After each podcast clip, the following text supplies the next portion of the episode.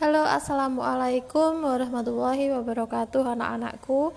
Hari ini kita akan belajar lagi materi ilmu pengetahuan alam, kompetensi dasar 3.3, menjelaskan organ pencernaan dan fungsinya pada hewan dan manusia, serta cara memelihara kesehatan organ pencernaan manusia. Nah, hari ini kita akan membahas materi dengan judul gangguan sistem pencernaan pada tubuh. Sebelum kita mulai, silahkan Berdoa menurut agama dan kepercayaan kita masing-masing agar pembelajaran pada pagi hari ini berjalan dengan lancar. Berdoa dimulai.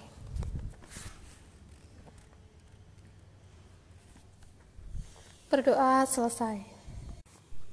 Anak-anakku, seperti yang kita bahas uh, kemarin, bahwasanya sistem pencernaan pada manusia itu intinya adalah uh, menghancurkan makanan yang kita makan, menyerap sari-sari makanannya untuk dimanfaatkan tubuh kita, lalu sisanya dibuang. Lalu membuang sisanya itu adalah fungsi atau peran sistem pencernaan makanan pada tubuh manusia. Nah, Sistem pencernaan itu ternyata juga dapat mengalami gangguan, sama dengan sistem pernafasan yang juga dapat mengalami, mengalami gangguan. Nah, hari ini kita akan membahas macam-macam e, gangguan pada sistem pencernaan manusia. Sistem pencernaan pada manusia sangatlah penting ya karena dapat mengolah makanan, makanan yang bergizi ya sehingga dapat bermanfaat bagi tubuh kita. Nah, apa manfaat makanan bagi tubuh kita? Antara lain sebagai sumber energi.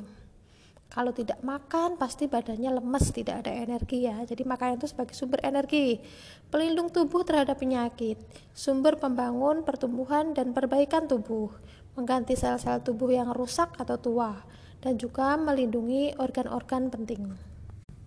Nah, agar fungsi tersebut dapat berjalan dengan baik, maka tugas kita adalah menjaga agar organ pencernaan kita atau sistem pencernaan kita tidak mengalami gangguan. Apa saja jenis gangguan yang mungkin terjadi pada organ pencernaan kita? Yang pertama adalah mah. Apa itu mah? Mah merupakan gangguan akibat peradangan pada lambung. Penyebabnya itu karena luka pada lambung yang tidak segera terobati dan berakibat infeksi bakteri Helicobacter pylori. Ya, gejalanya bagaimana? Gejalanya berupa nyeri nyeri perut bagian atas, mual dan juga muntah. Cara mengatasinya adalah menggunakan antibiotik dan antasida dapat membantu ya. Tentunya untuk merawatnya kalian juga harus makan makanan secara teratur. Itu adalah gangguan pada manusia berupa mah. Yang kedua, diare. Diare merupakan penyakit saluran pencernaan yang disebabkan oleh infeksi bakteri, parasit maupun virus. Penyebabnya infeksi pada usus besar dan alergi makanan. Ini terjadinya di usus besar ya.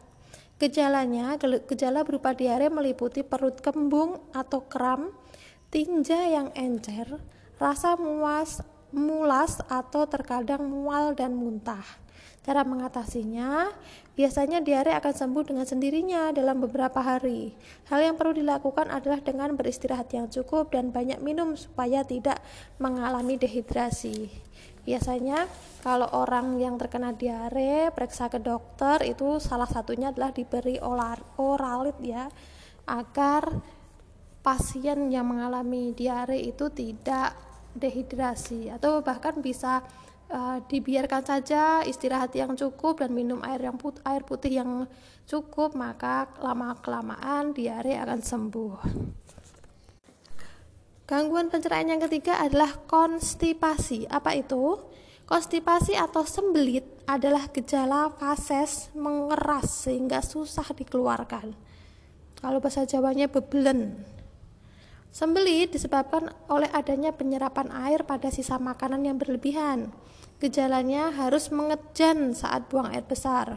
Proses buang air besar terasa tidak tuntas.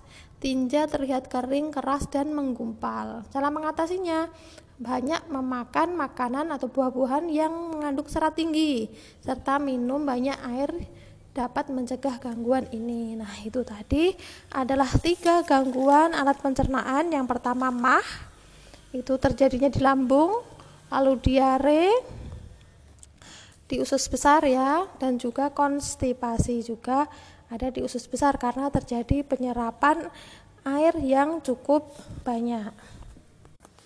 Nah, anak-anakku, itu tadi adalah materi tentang gangguan sistem pencernaan pada tubuh ada tiga macam kalian uh, bisa mencatat apa yang telah Bu Dewi sampaikan baru saja. Sekian nanti akan kita lanjutkan ke materi IPS. Wassalamualaikum warahmatullahi wabarakatuh.